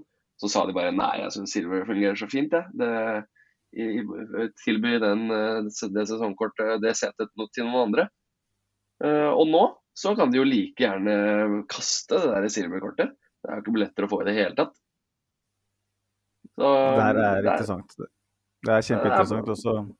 All den jobben Arteta har eh, lagt ned på det frieriet sitt til fansen, den, den, jobben han gjorde for å skape en bedre dynamikk mellom, mellom fans og klubb, den eh, har det er nesten litt stygt å si det, men det føles som at klubben nesten har gått bak ryggen hans der. da. Eh, og de kampene du snakker om. Eh, vi kan jo se, snu på det og si at hadde vi vunnet hjemme mot uh, Bournemouth uh, i fjor uh, med, uten Ashburton Army og den gjengen, og vi lå under 2-0 der når hodestøtet kom altså, så, Det er klart det er vanskelig å svare på. Men det er helt utrolig at man at man har Og det er den største skuffelsen også, vil jeg tro, hvis man skal se sånn på det. For spillerne de gjør jo sitt beste, og det er mulig å fikse det. Men det her er jo bare helt bak mål, sånn som du fremstiller det. og Du har jo en del kilder i klubben, og klubben er åpenbart klar over at det her kanskje har backfired Har, har, du fått noen signaler på om de jobber med det her og ser på det, eller er det Ja, det er, eh, det er, altså det er ingen som er fornøyde med det. Men hun derre Julie Slott, som hun heter, som på en måte er eh, her hun står foran for der, hun blir, får jo hendene sine litt låst heller også. Uh, hvis dere er litt interessert i sånne her ting, litt sånn nerdeting om uh, styre og stell og sånne ting, så kan du gå inn på Twitter og så følge en kar som heter Darren Arsenal 1. Han har 155 000 følgere. Og han er altså Han var tidligere shareholder i Arsenal, og så ble han tvunget til å selge av altså KSI. Men han er fortsatt måte, har en finger med i spillet, og han er med på alle sånne møter. da. Og, og, og kommer med referat på Twitteren sin. Så han legger ofte ut sånn der Har noen noen problemer med et eller annet. Uh, slenge en kommentar her, og så skal jeg se om jeg får, eh, får tatt opp noe av de. Så, så altså, det er en dialog der, og det, er, det, blir fortalt at det her er bare rør. Eh, det, det funker ikke. Og motsvaret da, som har vært nå, det er jo å gjøre bortebilletter gradvis um, um, automatiske. Altså, bortebilletter har alltid vært papir, sånn at um, hvem som helst kan på en måte få de. Uh, nå har, det, har, de begynt å sakte, men sikkert gjøre det altså, på internett. Digitalt? Ja, digitalt, takk. Helvete. Så upper tier, f.eks. på Villa borte nå, for, da vi tapte, det var all digital. da. Og da svarer man med at eh, da skal du ikke kunne sende, selge den billetten til en som ikke har altså ikke um, er kvalifisert for den. Det er jo en god tanke, for så vidt. da. Ehm, jeg har jo ikke noe på en bortekamp å gjøre i utgangspunktet. Det, det, er jo noe jeg er helt enig i. sånn sett. Hvis det hadde fungert. Men det fungerer jo ikke. For du fikser jo bare en eller annen burner-telefon uh, som du logger inn på, og så gir den der bortebilletten din til eh, 750 pund til nederlender. Uansett. Uh, de der papirbillettene som var før, de gikk jo i, i større grad til kompiser som, som gikk hver uke. Det er, det er helt overbevist om. Mm. Nei, det er jævlig interessante um, refleksjoner. og det motsvaret hjelper jo på ingen måte stemningen på Emily Stadium, som er det store problemet. Borteatmosfæren borte er vel fortsatt uh, bra, altså god nok. Jeg tenker Det er ikke der vi, vi sliter. Det er rett og slett og det nei, men, si nei, altså Det er bare det at uh, altså, Misforstå meg rett her. Det er ikke det at uh, altså Jeg fikser meg alltid uansett. Jeg var i Sevilla, jeg, hadde, jeg har ikke kreditt til å være i Sevilla. og jeg skal på Palace nå. Altså, det, det, dette, dette, er ikke jeg som sier nå klarer ikke jeg meg lenger, så nå skal jeg klage. Jeg, jeg har det helt fint. Men, men, jeg har sett selv og hører selv at summen av alt det her gjør at den bøssen som var forrige sesong, vi alle svevde på eh, Cloud 9 i, i syv måneder til, fram til det rakna på Etiad. Det gjør vi ikke lenger. Eh, og, og, og det, det, vises på tabelltavla, og det vises på uh, antall sjanser som du setter i mål istedenfor utafor. Det er jeg helt overbevist om. Så må det gjerne komme reaksjoner på det.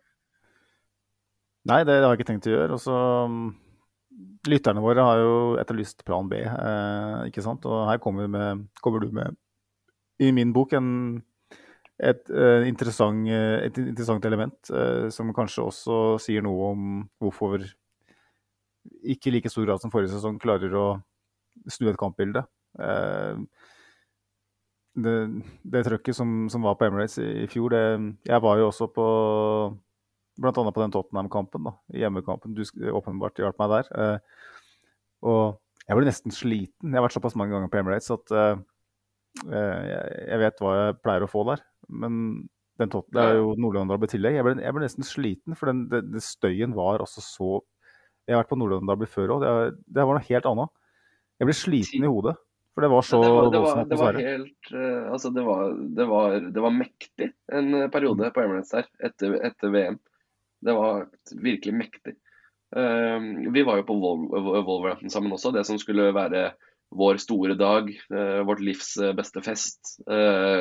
altså da, da, jeg, da, jeg, skulle altså ha, ha, kanskje mitt det, det, største minnet som jeg har tenkt tilbake på eh, når jeg satt i gyngestolen i en alder av eh, masse og tenkte tilbake på. Når vi vant ligaen hjemme mot Wolverhampton. Eh, da, da, var jo vi to klare, vi skulle på match. Og, og det ble jo så sinnssykt antiklimaks med at uh, det gikk til helvete. Men selv da, Magnus, det var før det nye systemet her. Og, og, og altså, folk sto jo og klappet av uh, Jeg var på puben, åpenbart. Men folk sto jo og klappet, klappet av og nesten felte en tåre der. De det var så stolt ja, jeg, av laget sitt. Jeg, var, eh, jeg felte en liten tåre når det ja, altså, altså, selv da, da det gikk til helvete, så var det en unison backing, og den bøssen ble ikke borte. Syns jeg. Jeg følte det. Jeg følte at det var, øh, var dritbra. Selv da, da det ikke var en, en døyt å spille for. Øh, og gutta egentlig basically hadde tatt sommerferie. Ødegaard kunne like gjerne allerede vært på Tjøme.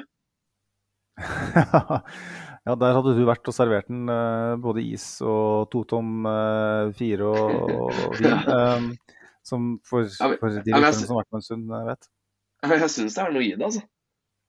Ja, det, ja, men jeg tror det. Og den kan vi sette på kontoen for årets eh, kanskje årets store skuffelse. Jeg, jeg tenker vi kan gå et uh, lite steg videre. Jeg har, har også mine skuffelser uh, utover det, og det er kanskje skuffelser som uh, jeg burde kanskje ha forutsett at det kunne skje.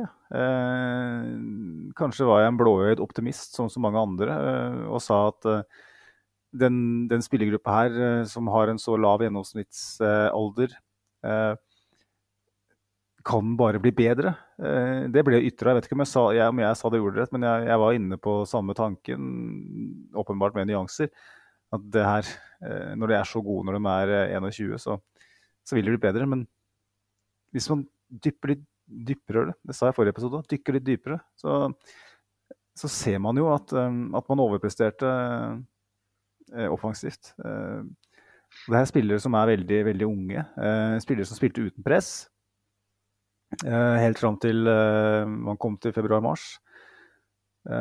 og var det urettferdig av oss kanskje å forvente at de skulle fortsette å overprestere, eller fortsette å prestere Sånn som Martinelli med 15 mål, eh, Ødegaard med 15 mål, Saka med 13, eller hva det var.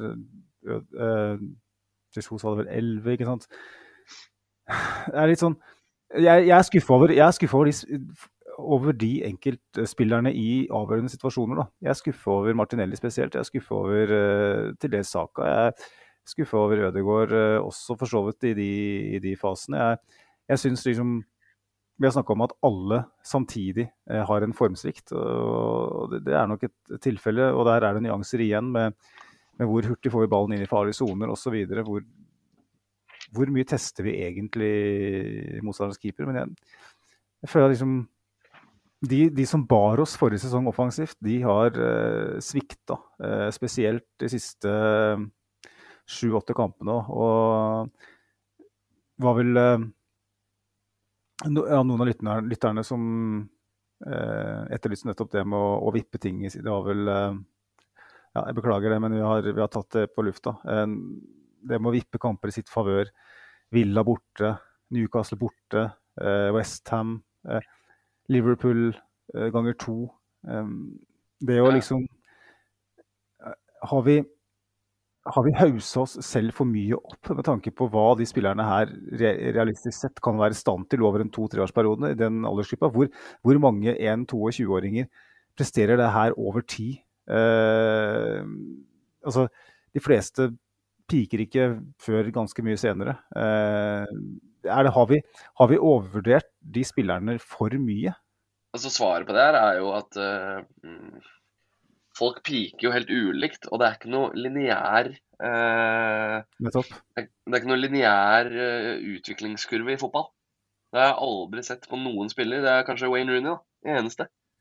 Eh, altså, altså, jeg mener jo uh, Det som er hele poenget med unge spillere, det er at de svinger mye mer i prestasjonene enn en etablerte spillere. Eh, Wenger sa jo det flere ganger, at uh, bruker du en, eh, en, en, ung stopper, så er det flere feil i han i løpet av en sesong enn det det er i en mindre god stopper som er eldre.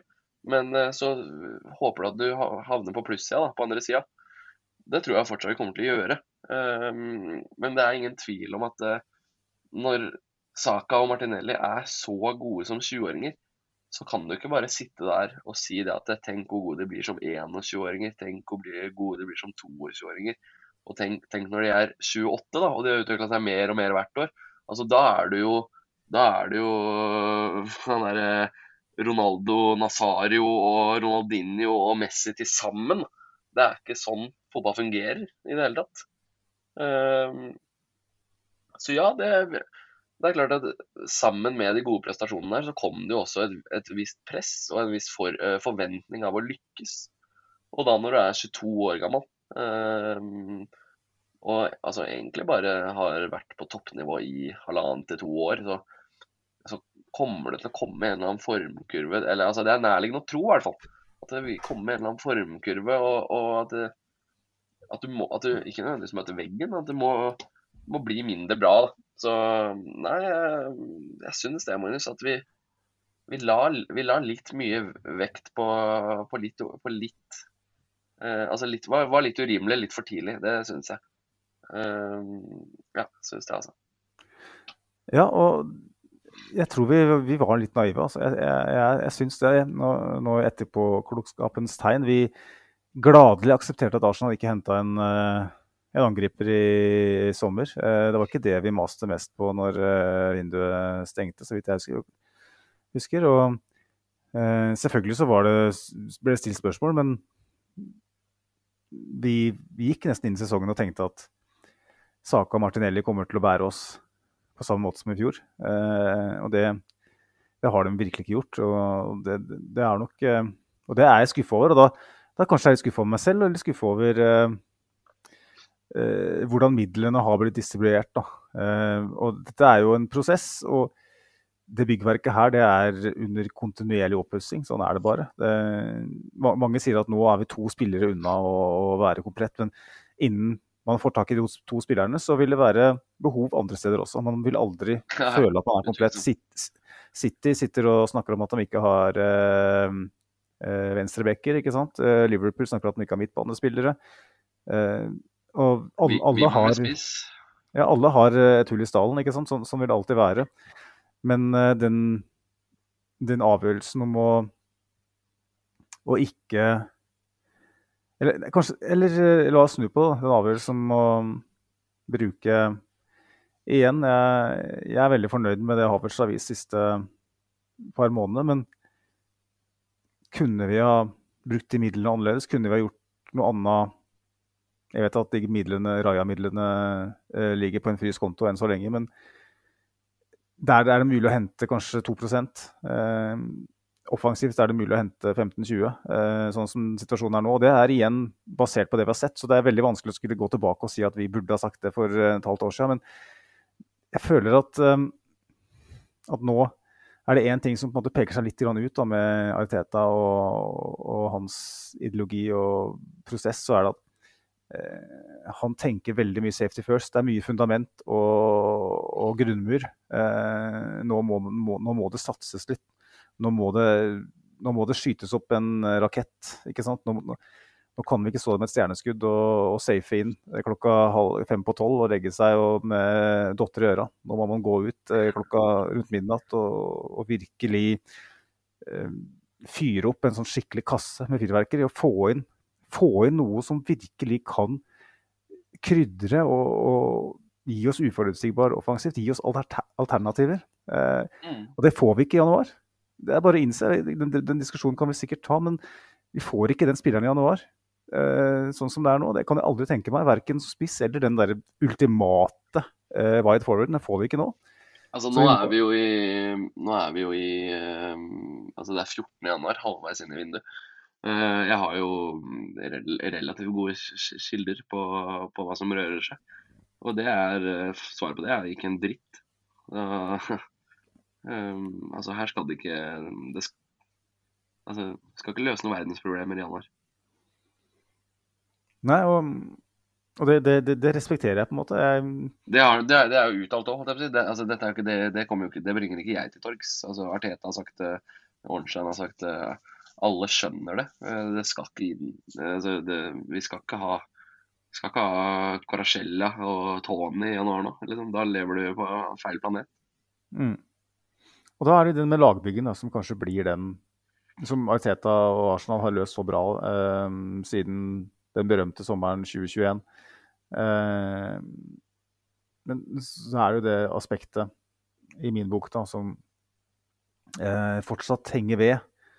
Eh, det er jo da eh, OK, vi, vi, har ikke, vi, har ikke, midlene til å forsterke nå. Og det virker for meg som det er en det er Den viljen til å Eh, drepe sine kjære, da, 'kill your darling', som det, som det heter, er eh, kanskje ikke helt til stede. Også, en svakhet og en skuffelse igjen med denne sesongen her er jo at vi sitter med, med spillere eh, på lønningslista med bra betalt som, som, man kanskje burde ha ikke ha betalt så godt. Kanskje ikke gitt en sånn, en sånn rolle. Og, eh, Edin Ketia og Louise Nelson ble resignert fordi at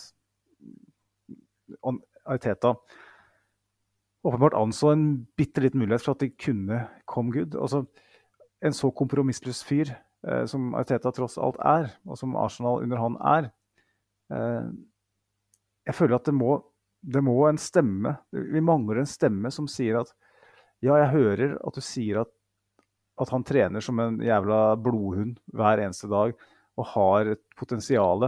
Men her er det et marked for en spiller som per nå ikke er i startelveren. Eller som heller ikke er i nærheten. Selv, selv når verdien er høy, ta den sjansen, da. Ok, og Si for deg at du selger Nelson, Smith-Roe og Nketia. Ok, Kanskje en av dem slår til, da. Så sitter vi og tenker faen, hvorfor beholdt vi ikke han? Uh, Hale Boy og alt det greiene der. Men hvis man har den tankesettet om at man skal sitte og vente på at en spiller skal uh, kanskje lykkes, og så når man da først innser at han ikke kommer til å gjøre det, så bare fryser man fullstendig ut. Så verdien dropper til uh, tilnærmet lik null, type Maitland Nice.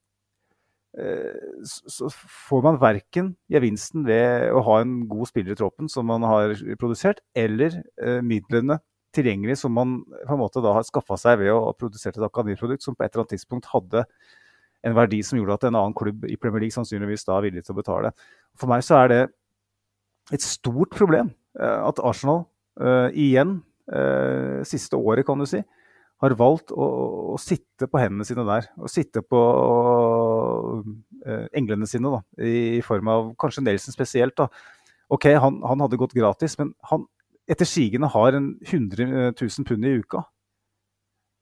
Jeg forstår ikke hvorfor man betaler 100 000 pund i uka for en spiller som ikke har starta en Premier League-kamp på tre år. Eh, altså, Når du gir han den nye kontrakten, så um, indikerer det at han er god nok. Det mm. skjønner jeg ikke. Den kontrakten hadde han ikke fått hadde han ikke skåra mot Bournemouth. Altså, det, altså, det er ikke en spiller Arteta hadde henta. Han hadde aldri henta Reece Nelson.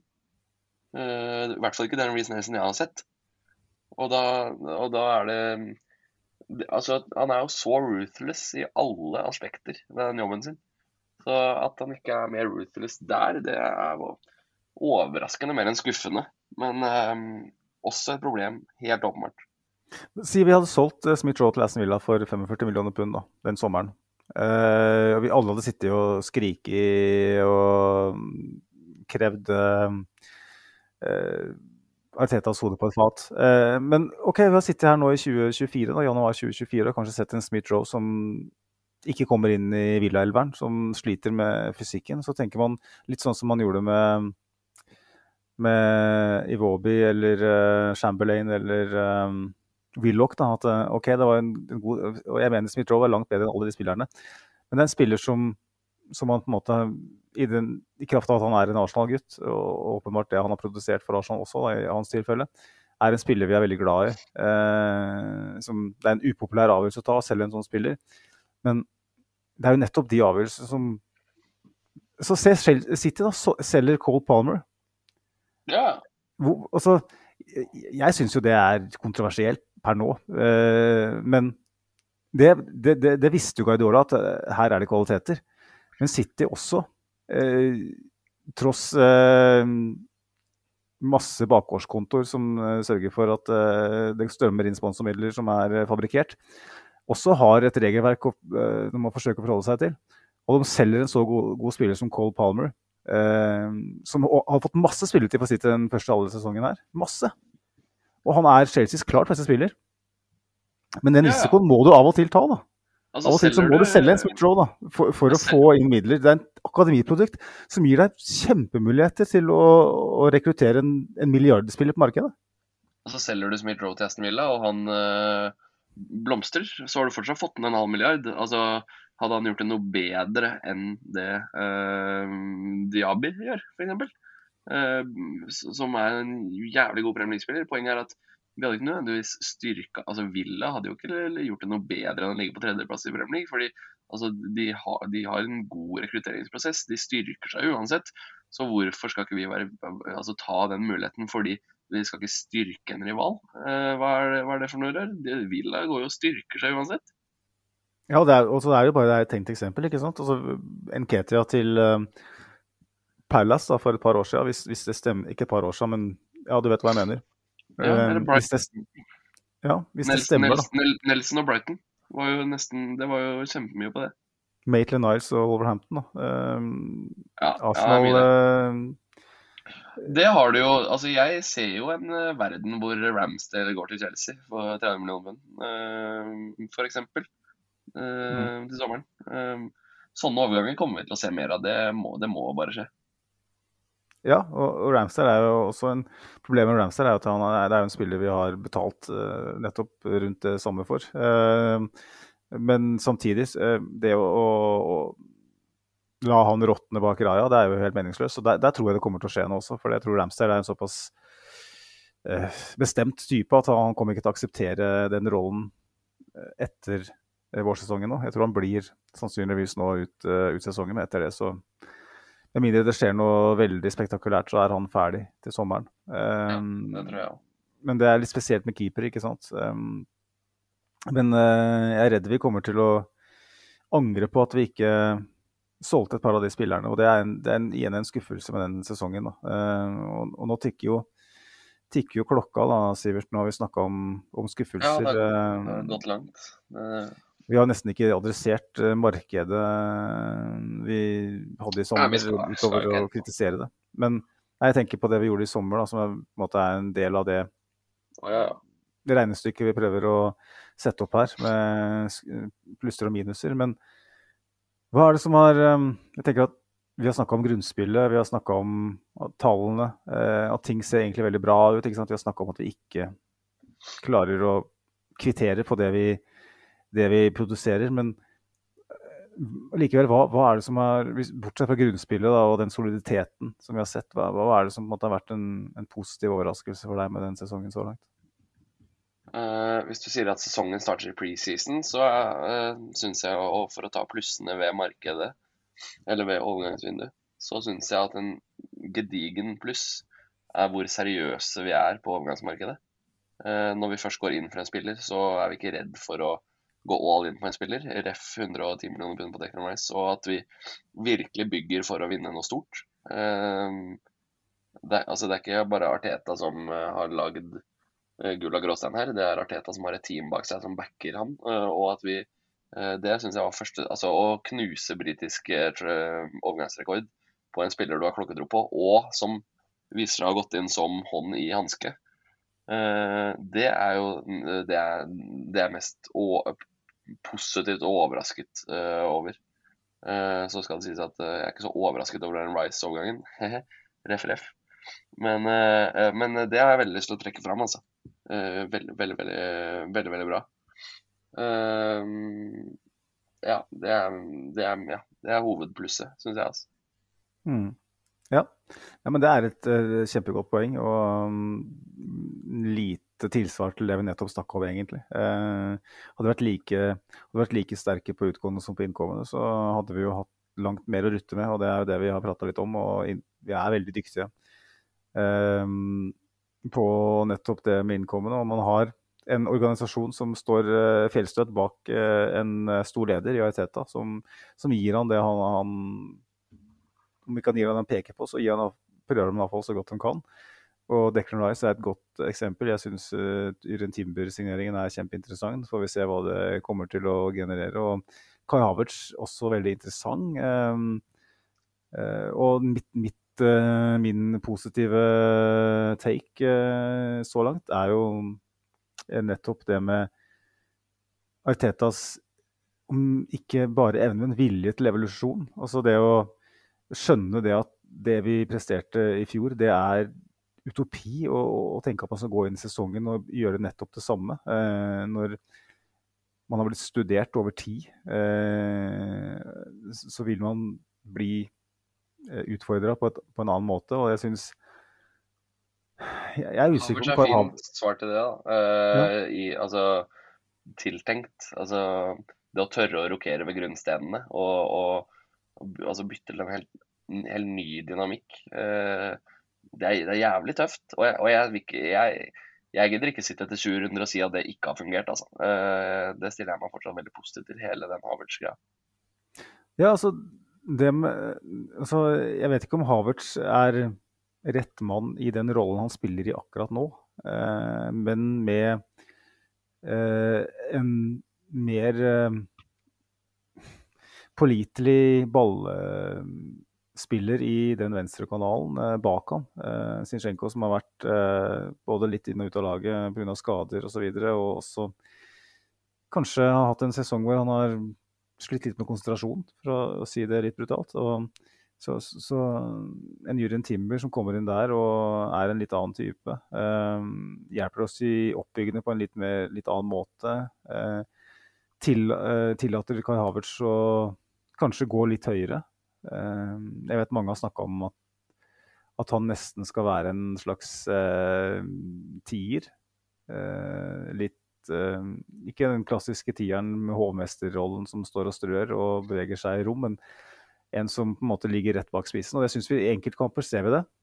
At, uh, som Andreas skrev til oss, uh, han hadde innspill til oss, han også. Han klarer ikke å holde seg unna. Litt sånn som Nakstad sikkert ikke kommer til å holde seg unna. Så, så skrev jo han at liksom, det grepet med å flytte Ødegaard dypere en del matcher, og um, har det egentlig fungert? Da? Men det er jo en del av den, det tankesettet med at Havert skal være en, en, second striker nesten uh, til tider. Har jo sett den dynamikken mellom Havers og Tissos. Det syns jeg har vært kjempeinteressant. for Jeg sa jo det veldig tidlig, at når Havert slet, at nøkkelen for Havertz er å få Jesus i skadefri. For da har man den spilleren å kombinere med, som gir han de rommet, som gir han den muligheten til å spille, ja, gjøre det ja, gjøre Havertz god, da. Det er mitt poeng. Eh, og det, det syns jeg er en spennende, veldig spennende, spennende tankegang. Og jeg, det er det, poenget mitt er nettopp det. da, At, eh, at man erkjenner at hvis man står rolig her, så, så blir man avslørt. Det er jo ikke noe sånn one season wonder. Det, vi skal bygge videre på mye, men vi skal også skape en annen dynamikk som gjør at vi er mer uforutsigbare eh, og mer fleksible. Og Det syns jeg vi jo på en måte har til dels lykkes med, men også pga. en del faktorer, bl.a. skader, eh, gjort at vi ikke helt har klart å vise det. Men jeg, jeg, jeg er veldig positiv til det. Det som er greia med Havertz, er jo at han på mange måter blir sett på som en sånn konfektspiller. Fordi det han gjør, er å vandre, altså vandre inn i rom, fungere som en sånn siden han er tysk, så blir det veldig lett å bruke det Raumdeuter-begrepet. Eh, for det er jo på mange måter det han er. Uh, en, eller skygge, altså en skyggespiss. Uh, ikke så delaktig nødvendigvis, og ser litt sånn nonsjalant ut. Men ekstremt smart. Dekker de riktige rommene omtrent hver gang. Jeg så et intervju med Berbatov og ble spurt hvilken spiller syns du ligner mest på deg som er i Premier League i dag. nei, det er Kai Havertz. han også var en ekstremt klok fotballspiller. Eh, men det er en eh, type spiller. Eh, det, det, det har ikke noe med Havertz å gjøre, men det er en type rolle som, er, som du kan unne deg hvis eh, grunnspillet og de, 11, og de ti andre er eh, så bra, så bra, så kan du unne deg en, en, en sånn type spiller. Eh, og, og, når det da ikke har fungert, så er det selvfølgelig veldig lett å gå til han og, og si det at Havertz, her har du en som litt sånn nonsjalant surrer rundt uh, i, i, i, ulike rom. Uh, og det er klart at når vi taper, da, så ser det litt dumt ut. Men uh, når vi dominerer og, og kveler motstander, og, og Haver spiller fantastisk, så er, alle, så er, det ingen som stiller noe spørsmålstegn ved det. Så det er, det er, rett og slett en Ja, det tar jeg ikke stilling til etter sju kamper. Det må jeg se i 60. Mm.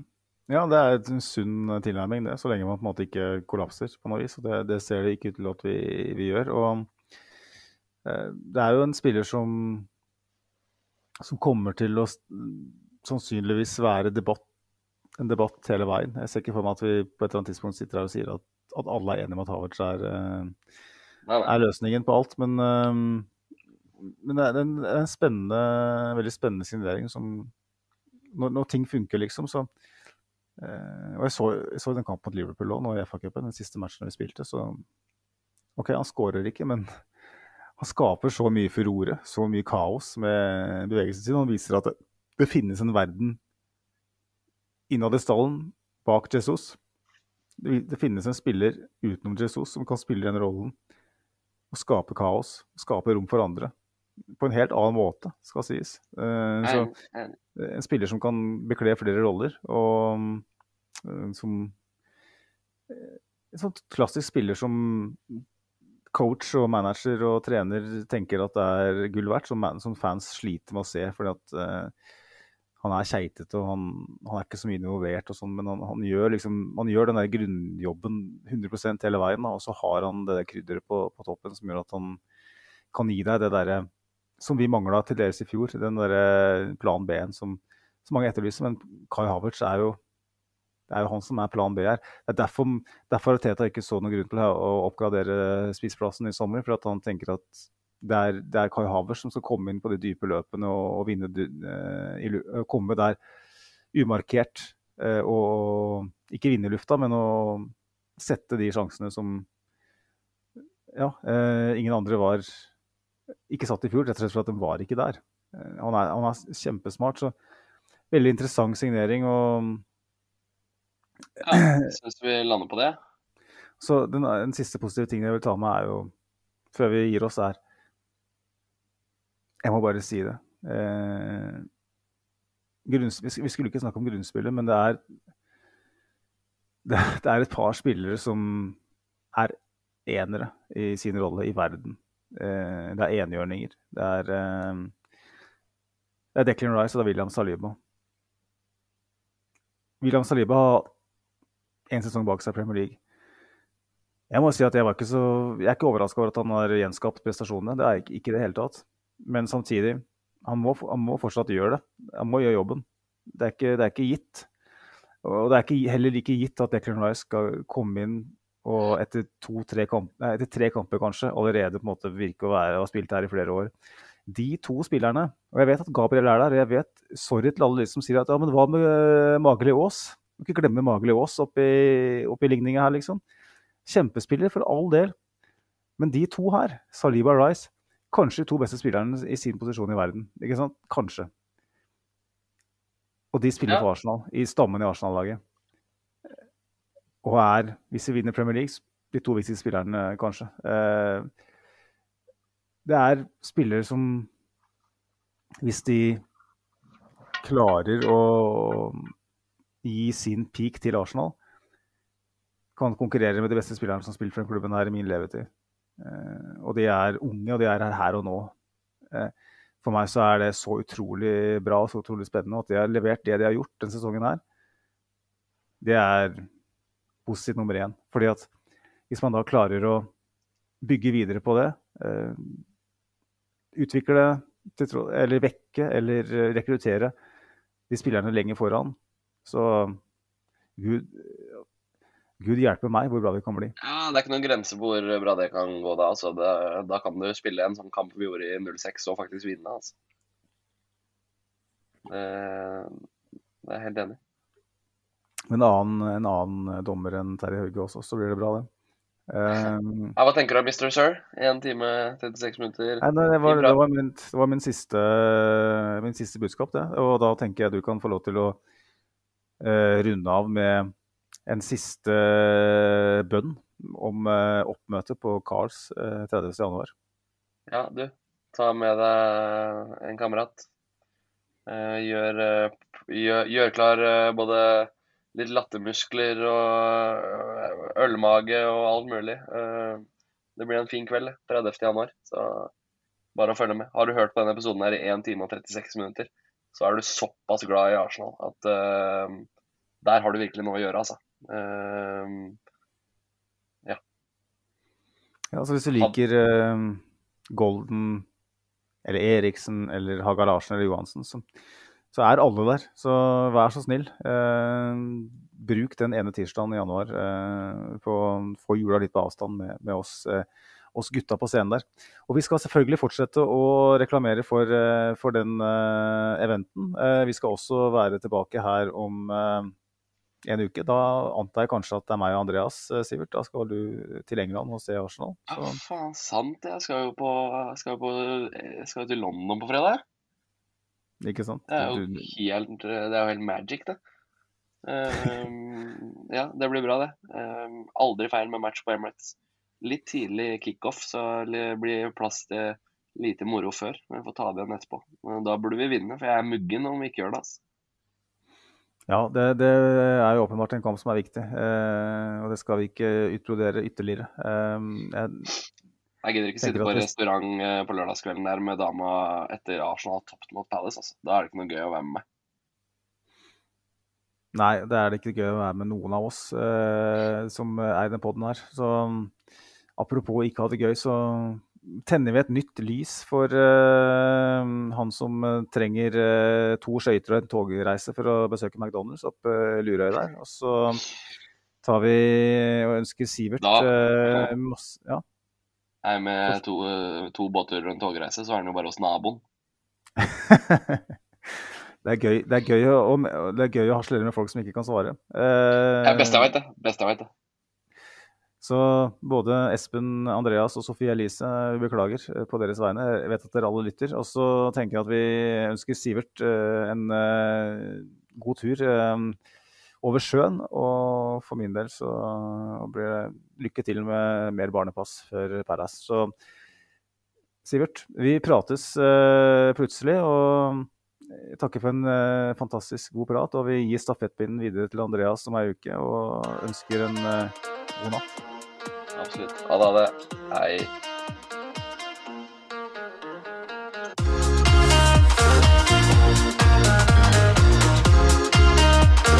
This train terminates here.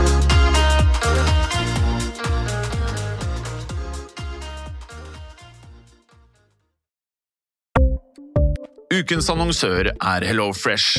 HelloFresh er verdens ledende matkasseleverandør og kan være redningen i en travel hverdag. Mange av oss har nok vandret i butikken både sultne og uten en plan for middagen, som ender med at vi går for de samme kjedelige rettene gang på gang. Middag burde være dagens høydepunkt. Som HelloFresh kan du nå velge mellom 25 ulike retter hver eneste uke, eller få HelloFresh til å sette sammen menyen for deg. Dette gir deg muligheten til å prøve nye og spennende retter alene eller sammen med familien. Du velger antall porsjoner og får alt levert på døren på et tidspunkt som passer for deg. Oppskriftene er enkle, og maten er lett å lage både for store og for små. Ved å få alt levert hjem får du også mer tid til å dele matgleden med familie og venner. Kanskje det frister med asiatiske tacos eller greskinspirert kylling? Da kan jeg anbefale deg om å gå inn på hellofresh.no.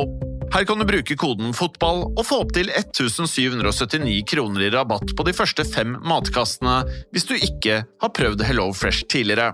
Du kan også bruke rabatten hvis du har vært kunde og stoppet abonnementet ditt for tolv måneder siden eller lengre. Gå inn på hellofresh.no og bruk koden FOTBALL. Har du et enkeltpersonforetak eller en liten bedrift? Da er du sikkert lei av å høre meg snakke om hvor enkelt det er med kvitteringer og bilag i fiken, så vi eh, gir oss her, vi. Fordi vi liker enkelt. Fiken superenkelt regnskap.